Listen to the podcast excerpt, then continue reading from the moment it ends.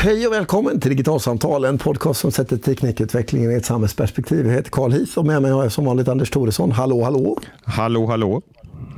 Vi eh, befinner oss efter det magiska datumet 25 maj 2018, dagen då GDPR trädde i kraft i hela EU. Hur känns det Anders? Det, det känns väl bra, eh, ja. tror jag. Det, vi ska ägna avsnittet åt eh, GDPR, men inte om vad det är och så vidare. Det hade vi ett helt avsnitt om i höstas som heter avsnitt 101, som är ett av de mest lyssnade avsnitten som vi haft. Det vi tänkte roa oss med idag, det handlar ju om eh, vad som har hänt eh, för företag, myndigheter, privatpersoner och så vidare som en konsekvens av införandet av GDPR och själva processen. För det här har ju gått allt annat än smärtfritt kan man väl säga, eller vad säger du Anders?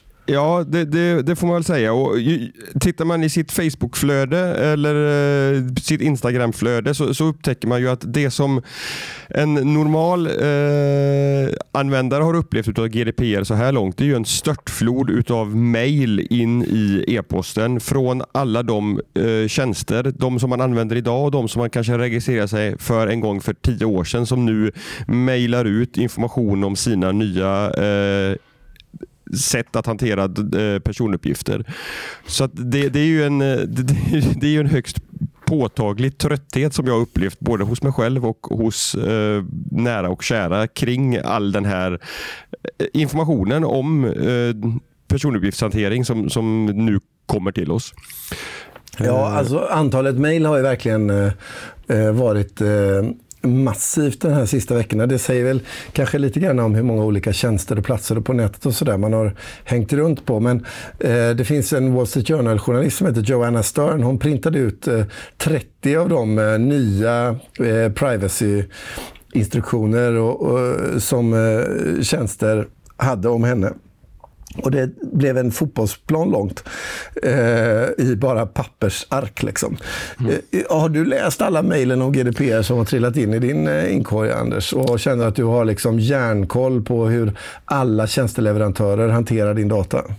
Svaret på den frågan är ju givetvis nej, men, men jag har ändå gjort ett antal intressanta reflektioner i, i det här eh, mejlfloden som, som, har varit. Och, och, Den ena är att, att i Dels att jag blir påmind utav tjänster, om tjänster som jag, som jag vet att jag har varit användare hos en gång i tiden och därmed också i någon mening fortfarande är användare hos eftersom jag inte har raderat mina användarkonton. Men, men det finns också helt klart företag som har mejlat mig eh, som, som jag aldrig, eh, jag är hundraprocentigt säker på att jag aldrig haft en, en direkt relation till dem. Utan där måste det på något sätt ha varit en handel med mina personuppgifter gissar jag. Som, som gör att de nu har mig i sina kundregister och nu vill ha mitt tillstånd att fortsätta ha mig i sina kundregister eller vad det nu kan, kan, kan handla om. Så, så det, det, är den ena reflektionen. Och sen, sen har jag ändå läst ett antal mejl från de här tjänsteleverantörerna som jag är allra mest beroende av i positiv bemärkelse. Sådana som jag faktiskt använder, eh, kanske framförallt i mitt, i mitt dagliga arbete. Och där, där det så här långt har varit ett mejl som, som helt klart sticker ut och som sticker ut ordentligt och på det riktigt negativa sättet som är från en, en amerikansk tjänst som heter Instapaper som jag har pratat om tidigare här i podden. Som, som är ett sätt ja, för att... Du använder den ganska mycket när du jobbar. Ja, den är otroligt viktig för mig i mitt arbetsflöde, i, i, den research, i det researcharbetet jag gör. Det är ett sätt att spara ner artiklar som jag inte hinner läsa nu, eh, så att jag har dem tillgängliga när jag väl har tid att, att sätta mig och läsa. Istället för att skriva ut dem på papper så sparar jag dem till Instapaper. Och med ungefär 24 timmars eh, eh, varsel i torsdags i förra veckan så, så kom det ett mejl om att de kommer stänga ner sin tjänst för europeiska användare tills vidare. Därför att de inte har hunnit att GDPR-anpassa läsa Instapaper. Och eh, det här väckte ju två frågor hos mig. För det första så, så, så, så är det här en tjänst där jag har ett användarkonto med, mitt, med min e-postadress som, som inloggningsnamn, precis som överallt annars. Och dit jag klickar på eh, knappar i min telefon eller i min webbläsare som gör det möjligt att spara en URL, en, en länk och innehållet i den länken på ett samlat ställe på molnet så att den är tillgänglig för mig. Så att min, min, min första fundering här är överhuvudtaget, vad är det som är så pass integritetskänsligt eh, här så att det är svårt för, för Instapaper att anpassa sig till GDPR. För mig så borde det här vara en av de absolut lättaste tjänsterna på nätet. Att, Fast är det inte göra. så Anders att, jag, nu jag bara spekulerar jag här naturligtvis, men är det inte så att Instapaper, eh, det är en kostnadsfri tjänst för dig va?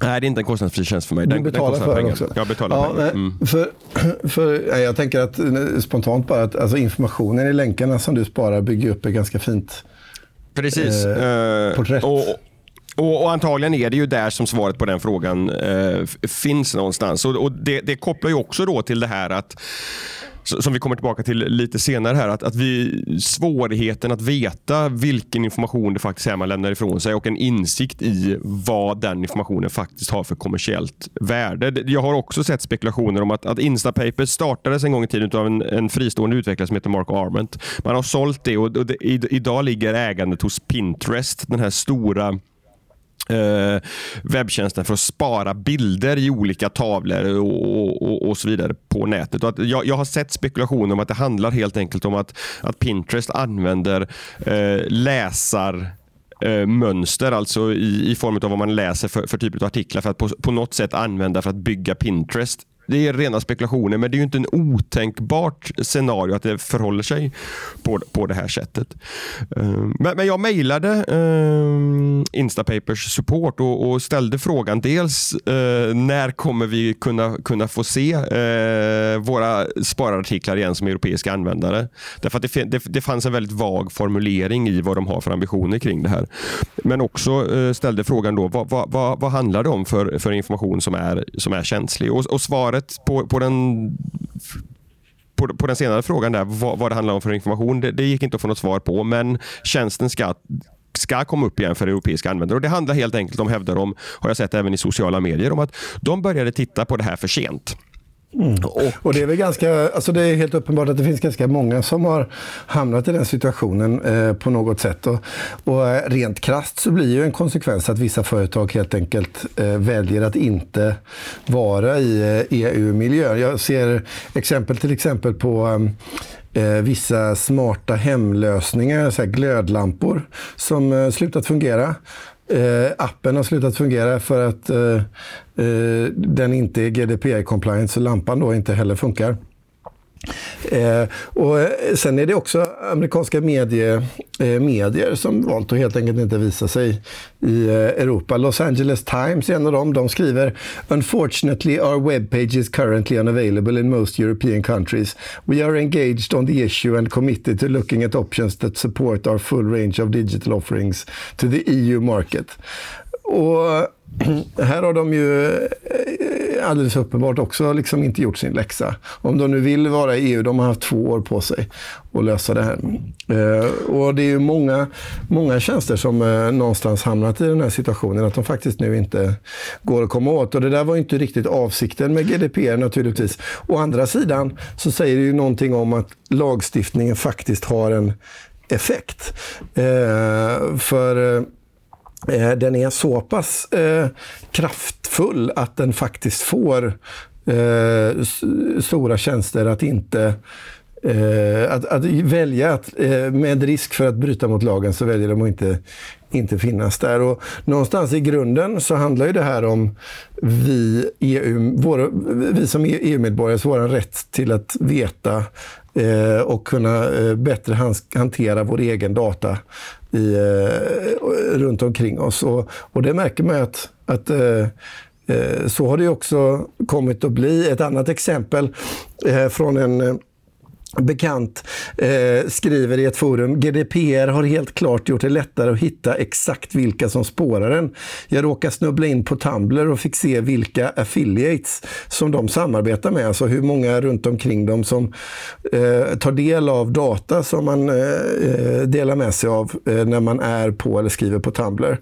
Eh, Excel fick räkna ihop listan vilket resulterade i 323 Tumblr affiliates som samlar data varenda gång du rör dig där.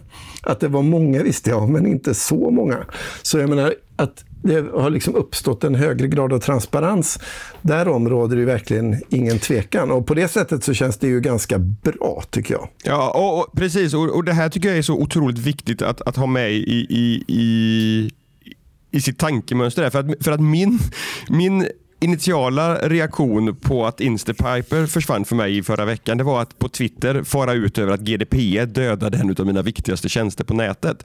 Men, men blev ju då vackert påmind om eh, från en av mina följare att, att det är ju faktiskt inte GDPR som är problemet här, utan det är ju att Instapaper har reagerat alldeles för sent. Och alltså Hela poängen med GDPR här handlar ju just om det som, som du refererar till här på Tumblr, att, att det finns drygt 300 olika spårare på den sajten som, som följer dig när, när, du, när du använder den. Och att det, det har funnits en obalans i, i förhållande mellan tjänsteleverantörer på nätet och oss som, som enskilda användare där vi inte har förstått vilken information som samlas in om oss och vi har heller inte förstått hur den informationen går att använda. Det, jag, jag, jag, har läst eh, någonstans eller hört och jag har försökt inför den här inspelningen komma på i vilket sammanhang men, eh, men misslyckas med det. Men att, eh, sett att, att en, ett av resonemangen bakom GDPR eller en av förhoppningarna med GDPR är ju att det här ska eh, alltså vara var en marknadsdrivande lagstiftning som, som också ska, ska öka eh, Eh, intresset för och efterfrågan på tjänster och, och, produkter som, som är integritetsstarka i, i, sin, i sin funktion och i sin konstruktion. Och det, det, det kan man ju bara liksom hoppas att, att det faktiskt blir så att den här initiala fragmenteringen av nätet där vissa tjänster inte är tillgängliga för oss som bor i EU bara är en, en övergångsfas. Men, men där, där jag till och med har sett, alltså i spåren av GDPR så, så har det ju uppstått en, en hel massa specifika eh, affärsmöjligheter med, med företag och konsultbyråer och så vidare som, och, och juristfirmor som, som ser en marknadsmöjlighet eh, i att hjälpa till med GDPR. Men, men där ett av de företagen som jag har sett eh, helt enkelt bygger byggde en, en, en, en, enkel teknik som gör det möjligt för tjänsteleverantörer på nätet att med bara några få raders kod blockera sin tjänst för europeiska användare. Typ det som Los Angeles Times eh, då, då gör. De använder säkert inte den här, det här liksom lilla startupet, men, men, men ändå. Och, och, Det är ju inte så som förhoppningen med, med GDPR har sett ut och jag tror inte att det heller är så den kommer eh, utvecklas på sikt. Utan, utan det, här, det här kommer ju bli det, det, blir panikåtgärder precis vid, vid införandet av sånt här, för man har inte hunnit. Eh, man har ändå haft fullt upp med andra saker, så helt plötsligt är det den 25 maj och så måste man göra de här panikåtgärderna och sen får man tid att titta på det, på det i efterhand. Så jag tror ändå att vi kommer få se en, en ett, ett, ett, ett nytt balansförhållande eh, på något sätt här, så, som, som nog förhoppningsvis är eh, till oss användares nytta.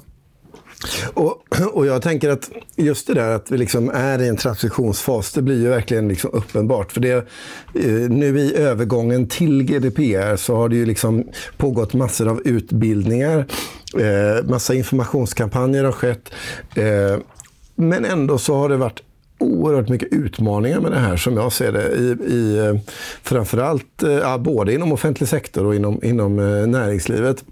Och det har skett ett antal ganska så stora debacle.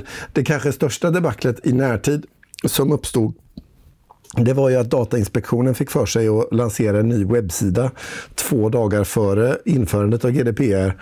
Och när de lanserade den nya webbsidan så bröts samtliga länkar från den gamla webbsidan. Så alla som har länkat om GDPR till Datainspektionen fick sina länkar brutna eh, prompt. Eh, och sånt där ska ju liksom inte hända, kan jag känna. Det, där, det, var, det var riktigt, eh, ett riktigt lågvattenmärke vad gäller eh, offentlig webb. Eh, sen har det ju hänt många andra saker som är betydligt mer personnära och, och här tycker jag man hamnar i en, i en utmaning. Eh, jag postade en eh, eh tråd eh, på min egen Facebook kring GDPR för en tid sedan. Och folk eh, postade in berättelser kring eh, deras upplevelser. Och eh, bakgrunden till det, det var att jag själv eh, var på ett eh, här, möte för eh, första mötet på en ny skola, introduktion till föräldrar, och där eh, vi fick informationen på skolan att eh, man inte längre delar ut klasslistor.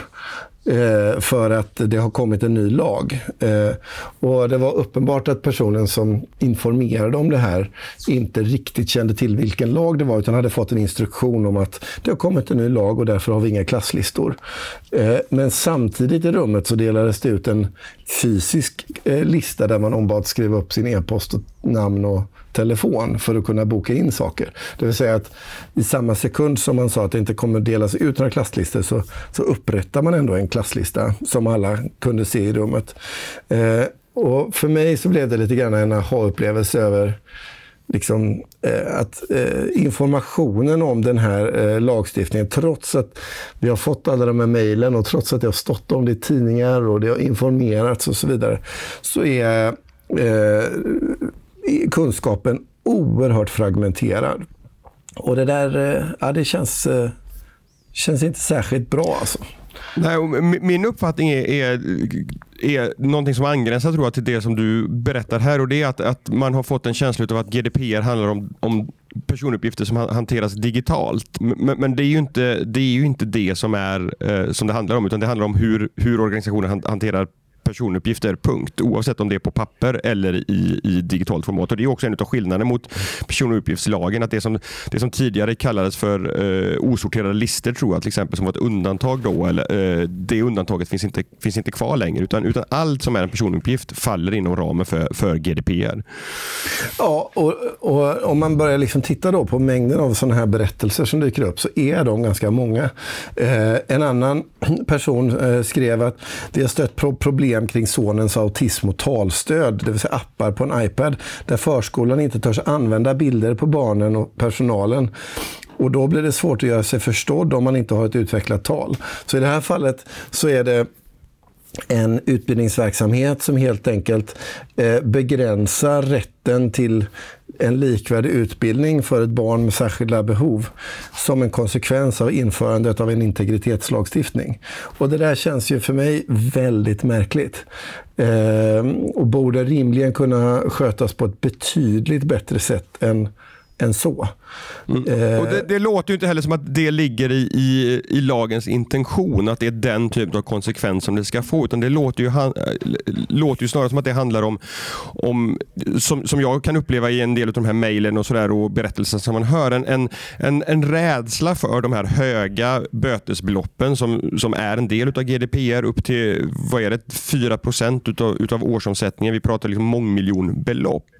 Eh, och då också en, en en, osäkerhet som finns just nu. Jag, jag har sett jurister som konstaterar att GDPR är ganska luddigt formulerat. Det kommer behövas en hel del prejudikat i, i domstolar för att förstå hur, hur lagtexten faktiskt ska tolkas. Och där det då finns en, en oro för att man kanske kommer bli den organisation eller det företag som, som får ta smällen när GDPR ska tolkas. Och att det då får den här typen av konsekvenser för enskilda individer, det är ju, det är ju fruktansvärt olyckligt. Ja, alltså nej verkligen. Och det är någonstans som du är inne på, det, är liksom, det här är ju inte liksom lagstiftarens intention med den här lagen.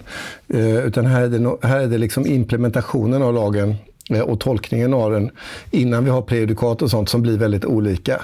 En annan skola skriver, en annan person skriver om sin skola. Vi har inte fått klasslistor på någon av barnens skolor. Helt hopplöst. Eh, en tredje skriver, min dotters dagmamma hade fått direktiv från sin chef att hon inte längre får ha några bilder på sina dagbarn hemma hos sig på väggen. Eh, någon skriver, jag är rädd att GDPR-cirkusen skickar skolan in i en digital stenålder. Och en eh, person i Danmark skriver, ja här i Danmark har det inte hänt så mycket. Vi kör på med klasslistor, bilder på varenda barn, lärarlistor etc.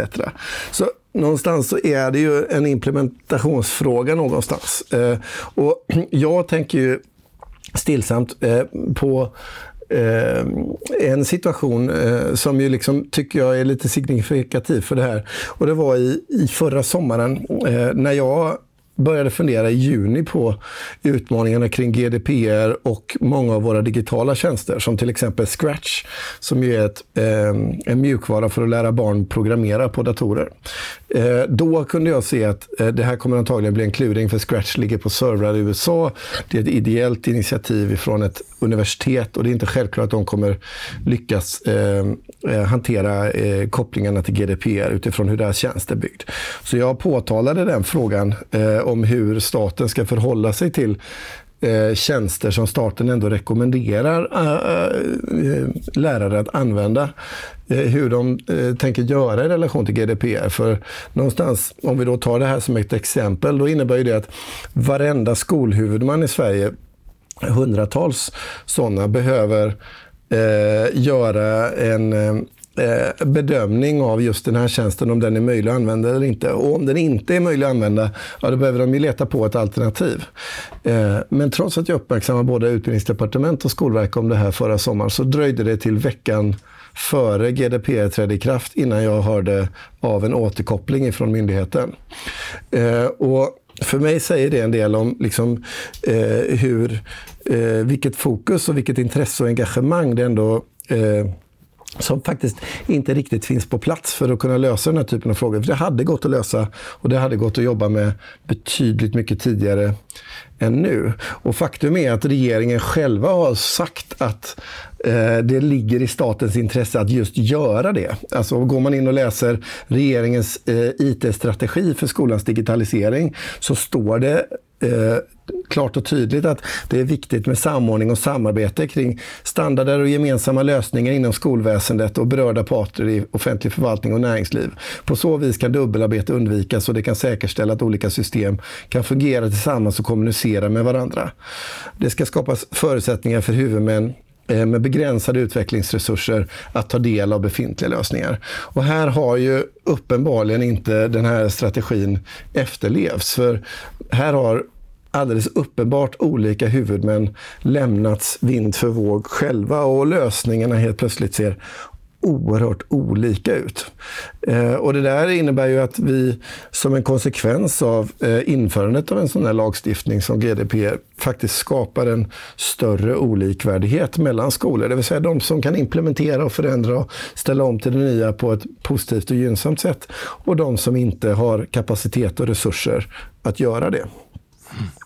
Ja, nej, det, det, det, ska bli oerhört spännande att se hur, hur det här fortsätter att utvecklas. Jag, jag, jag, om man ska fortsätta blicka framåt så finns det två andra aspekter som är väldigt teknikkopplade som, jag också är nyfiken på hur de faktiskt kommer tolkas i, i eh, när de, när, när de liksom första eh, domstolsförhandlingarna kring, kring GDPR äger rum. Och, och den ena handlar om, om det här vad som faktiskt, faktiskt är en personuppgift som ju är ett väldigt centralt begrepp i GDPR. Där, där man på Datainspektionens webbplats kan läsa att all information som handlar om fysiska personer som kan identifieras är personuppgifter och vidare att det inte spelar någon roll om man är direkt identifierbar eller om det krävs ytterligare information.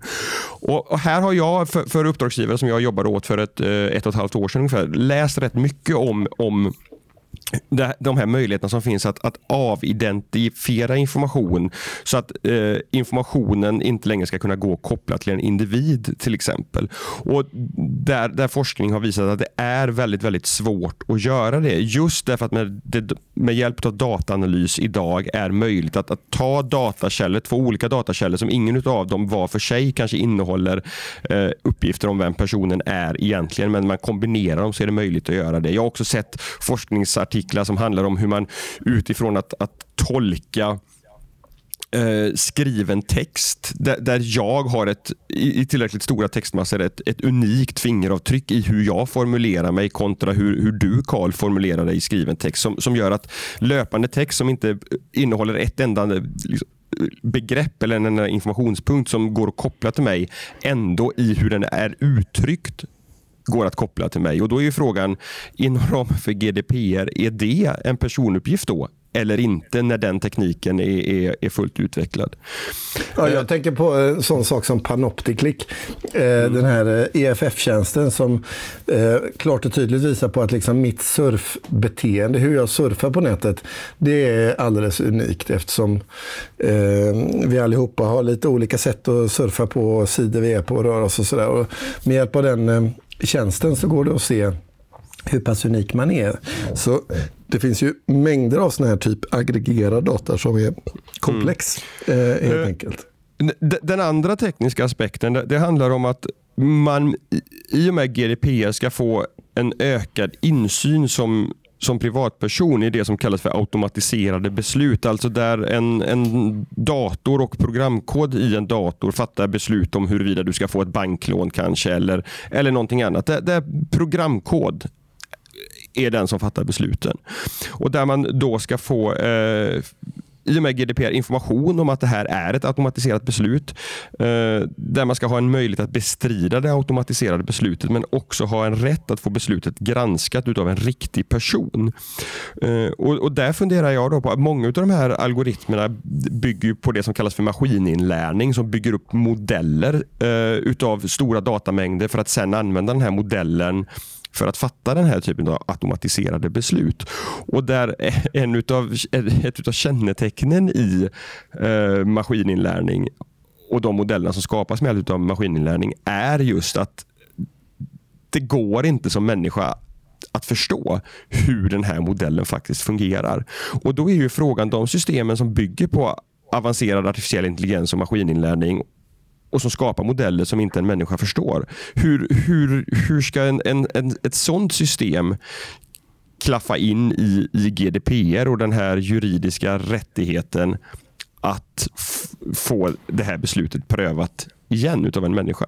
Eh, Nej, det är ju jätteklurigt. Och vi kommer ju hamna i situationer där vi faktiskt vill använda den typen av teknologi eh, att behandla eh, personuppgifter på olika sätt.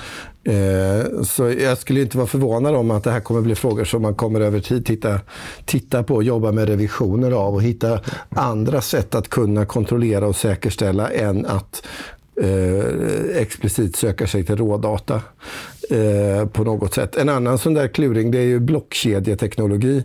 Där hela, liksom en, en av de viktiga poängerna med den typen av teknologi det är att eh, man lagrar en information distribuerad i ett nätverk så att inte en enskild plats eller aktör har tillgång till en viss information utan den kan, så länge det finns en punkt som har tillgång till ehm, eh, som, som har, så, så, länge det finns en enda punkt i nätverket eh, som är öppen så har man tillgång till, till information. Och detsamma gäller då, eller liksom vidare så gäller det då att blockkedjans andra funktion det är att har man lagt till information så ska den inte gå att ta bort. Och det är nog liksom poängerna med att kunna säkerställa information och så vidare. Men där hela den teknologins design på något vis eh, eh, hamnar stick i stäv med möjligheten att också kunna få information raderad om sig. Eh, så det finns en, eh, en kluring i eh, hur man eh, upprättar och förhåller sig till eh, den här typen av lagstiftning. Eh, man säger ju väldigt ofta att lagstiftning ska vara teknikneutral.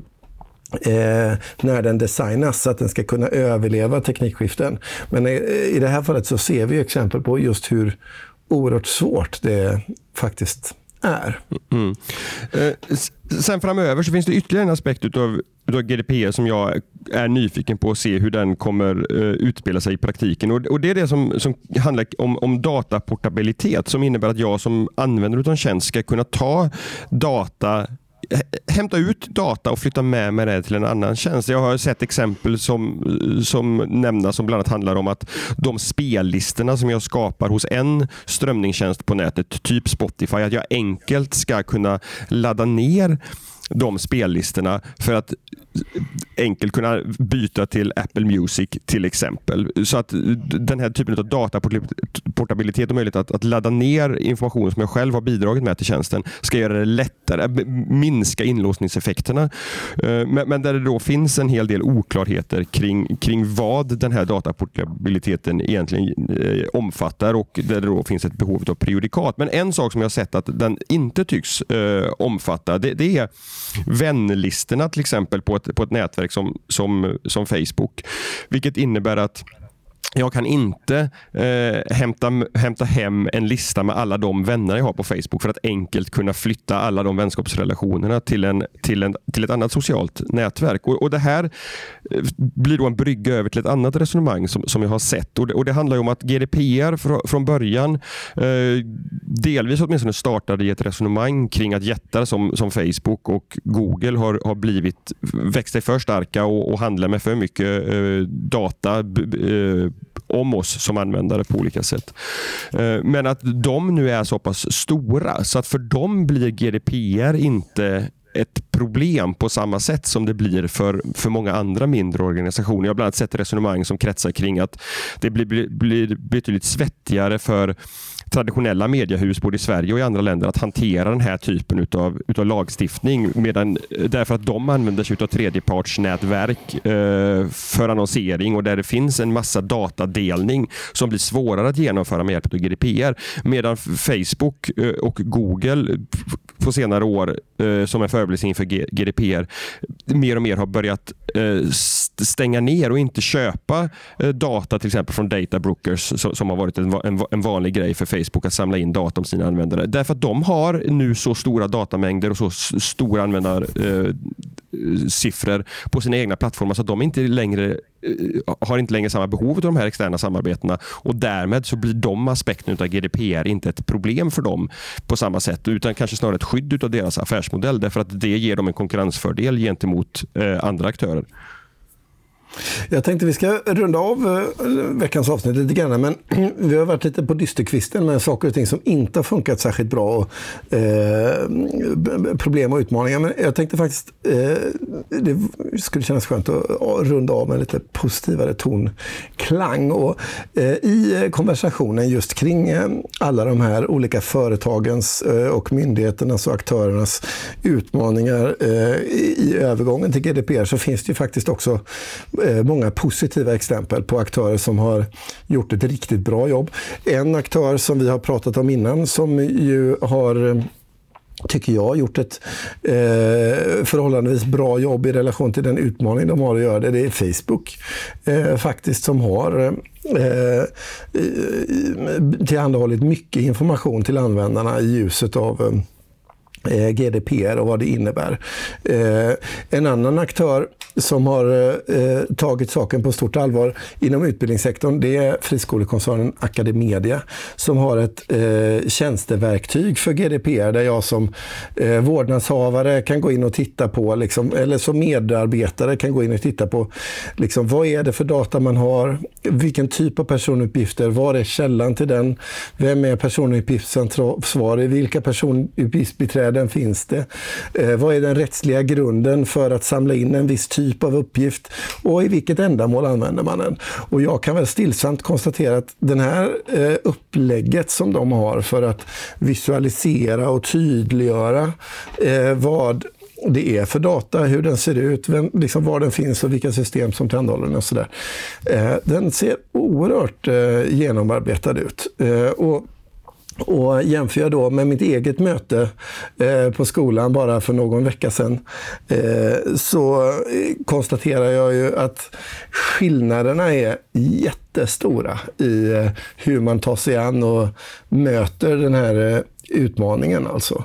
Och, och, eh, men heads up eh, och, och eh, Eh, eh, tummen upp för Academedia alltså. För, eh, för det här var riktigt tjusigt. Och det finns flera som har liknande tjänster. Jag har noterat att Folkuniversitetet är en annan sån eh, till exempel som har och har eh, skapat sådana här eh, tydliga och transparenta eh, processverktyg för att jag som användare ska kunna se och förstå på vilket sätt data används och också göra det tydligt liksom, på vilken juridisk grund som eh, de anser att de eh, vilar för att kunna jobba med det. Och här eh, kan jag väl känna att hade fler gjort eh, på det här sättet så hade vi kanske sluppit många av de här absolut mest plågsamma eh, eh, debaclen som vi har sett i införandet av GDPR hittills. Men nu kommer vi väl hamna i någon form av sån här flerårig stiltje kan jag uppleva innan dess att det har kommit